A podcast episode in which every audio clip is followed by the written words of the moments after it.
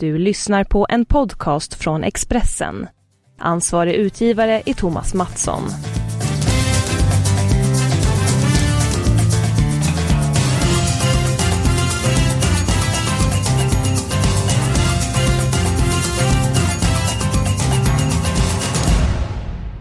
Varmt välkommen till eh, Expressens podd Avspark och eh, med betoning på varmt. Eh, det är verkligen härligt väder i Sverige och fotbollstemperaturen den är hög i Sverige. Janne Andersson, Sveriges förbundskapten, ska presentera VM-truppen som ska representera Sverige eh, till sommarens fotbollsfest i Ryssland. Magnus Haglund, hur pass laddad är du inför det som komma skall den här veckan? Jag är mycket laddad. Det blir spännande på alla, alla sätt och inte minst då i, imorgon när vi får truppen presenterat för oss. Ja, och det är på tisdag som Jan Andersson presenterar eh, VM-truppen och av den anledningen så spelar vi in podden rekordtidigt den här veckan. Eh, redan på eh, måndag. Du fick en uppgift Magnus att ta ut VM-truppen. Jag tycker att du börjar med målvakterna. Man bygger ett lag som bekant bakifrån. Hur många målvakter har du tagit ut och vilka är det? Jag tar som sig bär ut tre målvakter. Robin Olsen, Kristoffer Nordfeldt och Carl-Johan Jonsson. Mm, eh, jag har ingenting att tillägga där. Det känns som att eh, den trion är given. Ja, det har ju varit eh, höjts röster om att Pontus Dahlberg ska vara med men eh, eh, Jag satsar på de tre mer erfarna målvakterna och eh, är ganska övertygad om att så kommer Jan Andersson också göra. Mm, eh, då ska se ifall du har någon Dark Horse bland eh, backarna. Vilka har du plockat ut? Eh, högerbackar, eh, Micke Lustig, Emil Kraft. Eh, mittbackar, Andreas Granqvist, Victor Nilsson Lindelöf. Pontus Jansson, Filip Elander. Och vänsterbackar Ludvig Augustinsson och Martin Olsson. Hur svårt var det att välja ut de här? Ja, det gick väldigt fort. Det har ju varit de här som har varit eh, ganska givna hela vägen. Vi har väl haft eh, Johan Larsson som har aspirerat eh, lite som högerback. Men i det stora hela så har det varit Kraft och Lustig som har, som har varit före. Så att, eh, och det tror jag också det blir nu när truppen tas ut. Ja, jag har faktiskt ingenting att eh, tillägga där heller. Vi är helt eniga hittills. Vi får se lite grann. Vill du ta mittfältet först eller vill du ta anfallet? Eh, vi börjar med mittfältarna eftersom vi tar det så, så att säga bakifrån här. Mm. Och eh, Viktor Claesson, eh, Jimmy Durmas, Emil Forsberg som eh, givna yttermittfältare. Eh, jag har lagt till där Marcus Rodén Mhm. Kan spela både central och kantspelare. Eh, och sedan har jag eh, Oskar Helgemark, Gustav Svensson, Albin Ekdal och Sebastian Larsson. Ja, här har jag lite grann eh, synpunkter. Östersunds Ken Sema har du inte med? Det har jag inte därför att eh, jag tycker att eh, Ken Semas form har inte varit riktigt på plats som den var eh, under eh, fjolåret och tidig vår. Eh, sista två månaderna tycker jag han har varit allt för blek för att ta en plats i den här truppen. Vi har inte råd med några spelare som inte har, inte har form. Därför väljer jag istället Marcus Rodén för det var de två jag valde emellan. Och vi vet att Rodén kan spela både på kant, han kan spela centralt. Och är starkare än Ken Sema defensivt och det kommer att med all säkerhet att behövas i ett tufft VM-slutspel. Ja, men jag köper din eh, motivering. Samtidigt tycker jag Ken Sema en spel som bryter mönstret. Eh, kanske han var lite grann sliten i och med att Östersund gick väl på Europa League. Eh, formen kanske inte glimmade men det kan inte vara så att han kommer nu de här veckorna framöver och blommar ut. Och Ken Sema i full form. Det tycker jag är en attraktion. Eh, hur pass säker är du på att Ken Sema inte är med? Nej jag är inte det. Jag tror att det är den positionen. Jag tror det är det svåraste valet som Jan Andersson tillsammans med Peter Wettergren har att göra. Vem de ska välja om de ska ta med Marcus Rodén eller Ken Sema. Och jag tror att eh, de har precis de argumenten på bordet. Dels, och dels som jag sa för Rodéns fördel och det som du sa för Ken Semas fördel. Det är precis de argumenten som förbundskaptenerna helt säkert sitter och, och, eh, och jobbar med. Hur svårt är det att ta det här valet? Du måste ha haft det här bekymret, kanske det är fel att eh, säga, men du måste ha haft um, upplevt den här situationen många gånger under de år som du har tränat och coachat ett, ett lag. Hur pass svårt är det ifall det är alltså 50-50 totalt? Ja det är givetvis jättesvårt och till slut så får man ju, om det verkligen är 50-50 så får man gå på någon form av intuition och känsla. Eh, men man vill ju gå så lite på intuition och känsla som möjligt och gå på, gå på fakta. Och eh, Därför så tror jag då att de väljer Marcus Rodén till slut för att han eh, Att han är lite mer användbar på flera platser och har ju och har ju spelat en hel del i en tuff liga och visat form. Mm, mm. Eh, en annan spelare som jag tror jag tänkt på det är Pontus Wernbloom. Var har du placerat honom någonstans? Ja, det är ju en väldigt duktig spelare. Ingen snack om saken. Men det är så här eh, med det bygge som Jan Andersson har, byggt upp att att eh, Pontus Wernbloom sa eh, från början att han slutar till landslaget. Det har förbundskaptenerna förhållit sig till. Och man har nu byggt upp en, en grupp av andra spelare som trivs väldigt bra tillsammans, fungerar väldigt bra tillsammans. Man vill skapa så lite, så lite eh, oreda eller så, så lite förändringar som möjligt. Och därför så kommer man inte ringa Pontus Wernbloom och försöka övertala honom. Utan man satsar på de spelarna som har tagit Sverige till VM och som har byggt här, den här gruppen och det här laget. Ja, där lät du väldigt övertygad. De, de kommer inte ringa. Är du helt säker på att han inte är med i truppen? Ja, det är jag. Ja, det är bra. Jag gillar eh, klara besked. Eh, och en spelare som också med att han inte ska vara med i landslaget är ju Zlatan Ibrahimovic och det var mycket snack under våren att han ska vara med, han ska inte vara med. Lite grann kryptiska uttalanden och så vidare. Men för ett par veckor sedan så kom det att Zlatan inte är aktuell för eh, VM-truppen.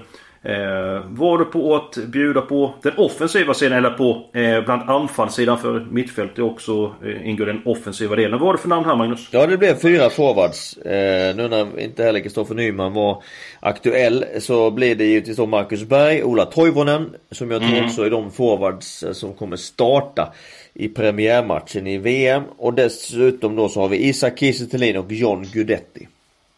Mm. Också spelare som har varit med hela, hela resan. Ja, här låter du väldigt trygg också. Tror du att det blir de här fyra? Ja, det tror jag. Eh, väldigt stark känsla av det.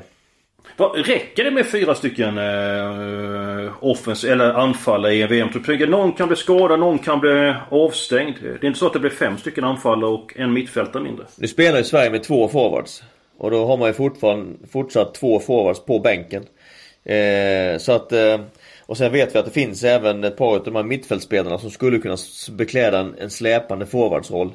Eh, Viktor Claesson skulle till exempel kunna tolka Ola Toivonens roll på ett väldigt bra sätt. Om det skulle behövas. Så det finns eh, även liksom lösningar ur mittfältskarden här. Mm.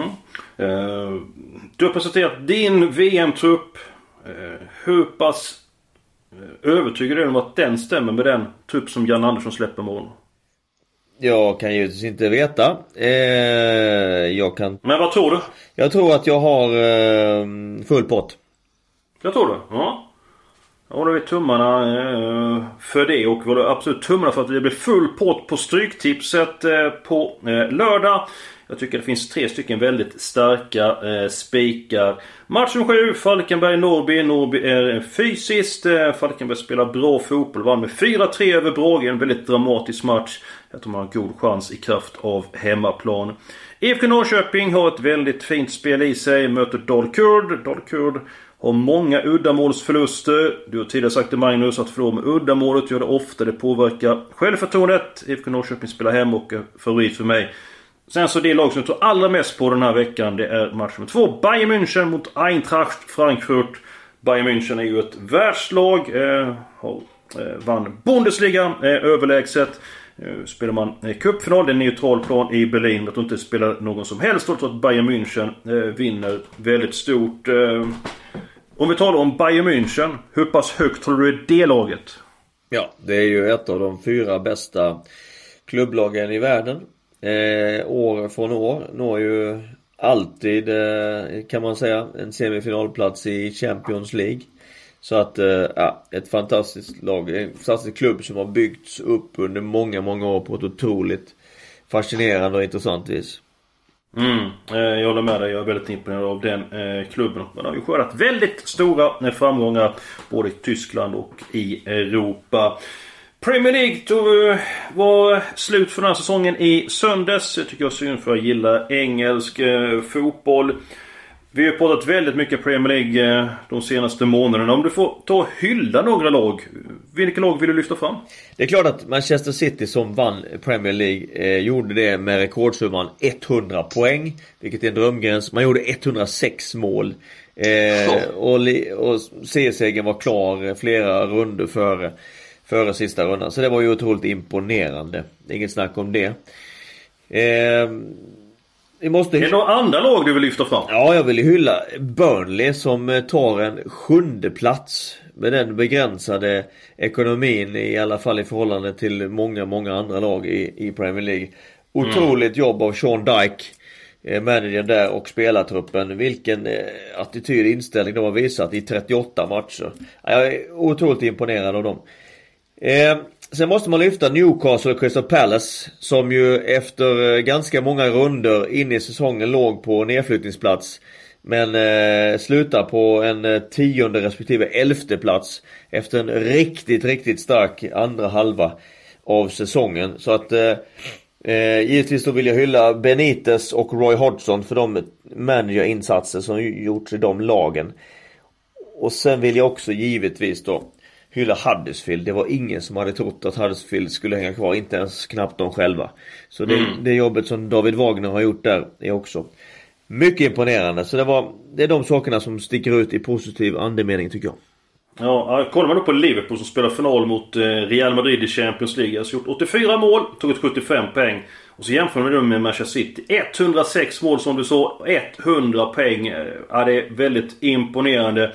Om vi går på den negativa biten då. Eh, vilket lag har underpresterat? Ja, jag tycker att eh, man måste ändå säga att Chelsea med de resurserna som finns och den satsning man gör eh, kommer på en femte plats Och eh, som då innebär inte någon direktplats till, till Champions League utan man får kvala. Det tycker jag är negativt. Eh, jag tycker också att West Ham har ju resurser och blir bättre än 13. Borde ju mm. vara topp 10 varje år så det är också en negativ överraskning. Southampton hänger kvar precis Eh, de bör också ha eh, rejält med luft ner till ett nedflyttningsstreck tycker jag. Så att eh, där har vi väl mina besvikelser. Ja men jag håller med. Chelsea vann ju serien i fjol. 30 poäng efter Manchester City och att man blev femma det är ju en stor eh, besvikelse. Chelsea de spelar ju till helgen. Eh, det är final i FA-cupen mot Manchester United. Vad talar för att Chelsea vinner den matchen? Ja, det är ju möjligheten att rädda säsongen och få med sig någonting, eh, någonting stort även från den här säsongen. Så att, eh, men det där är ju en väldigt öppen final tycker jag. Det är väldigt svårt att tippa på förhand. Ja, jag håller eh, med dig och jag har den matchen som förslag på halvgardering. Jag tror det blir väldigt jämn och tight tillställning.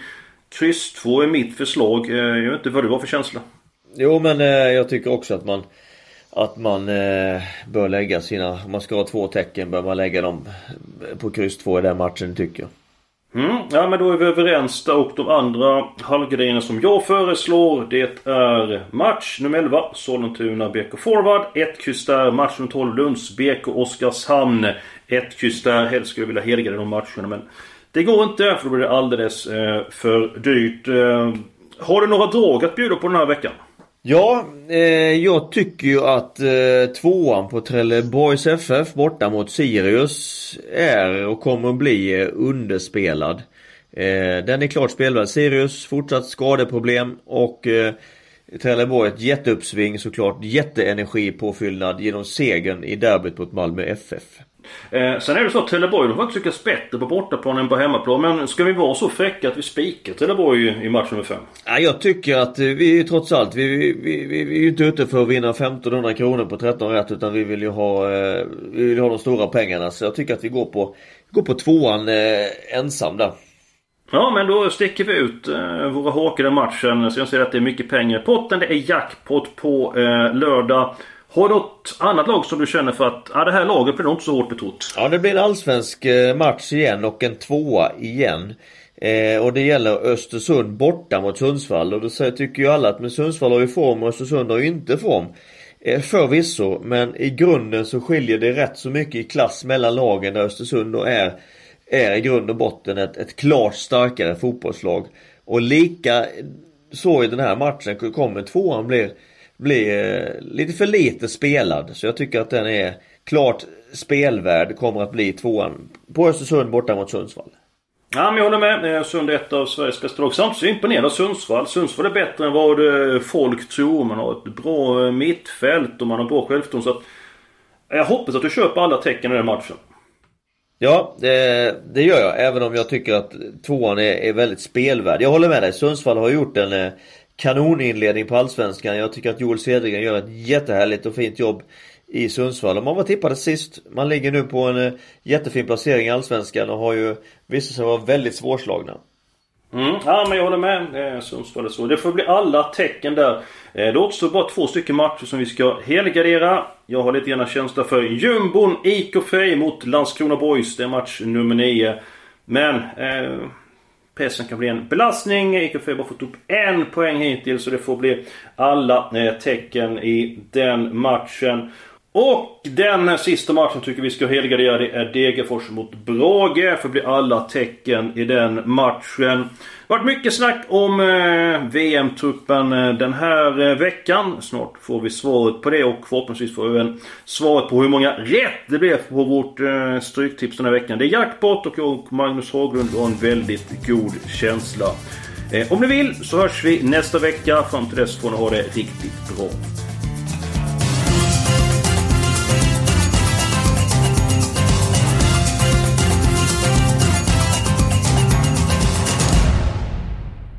Du har lyssnat på en podcast från Expressen.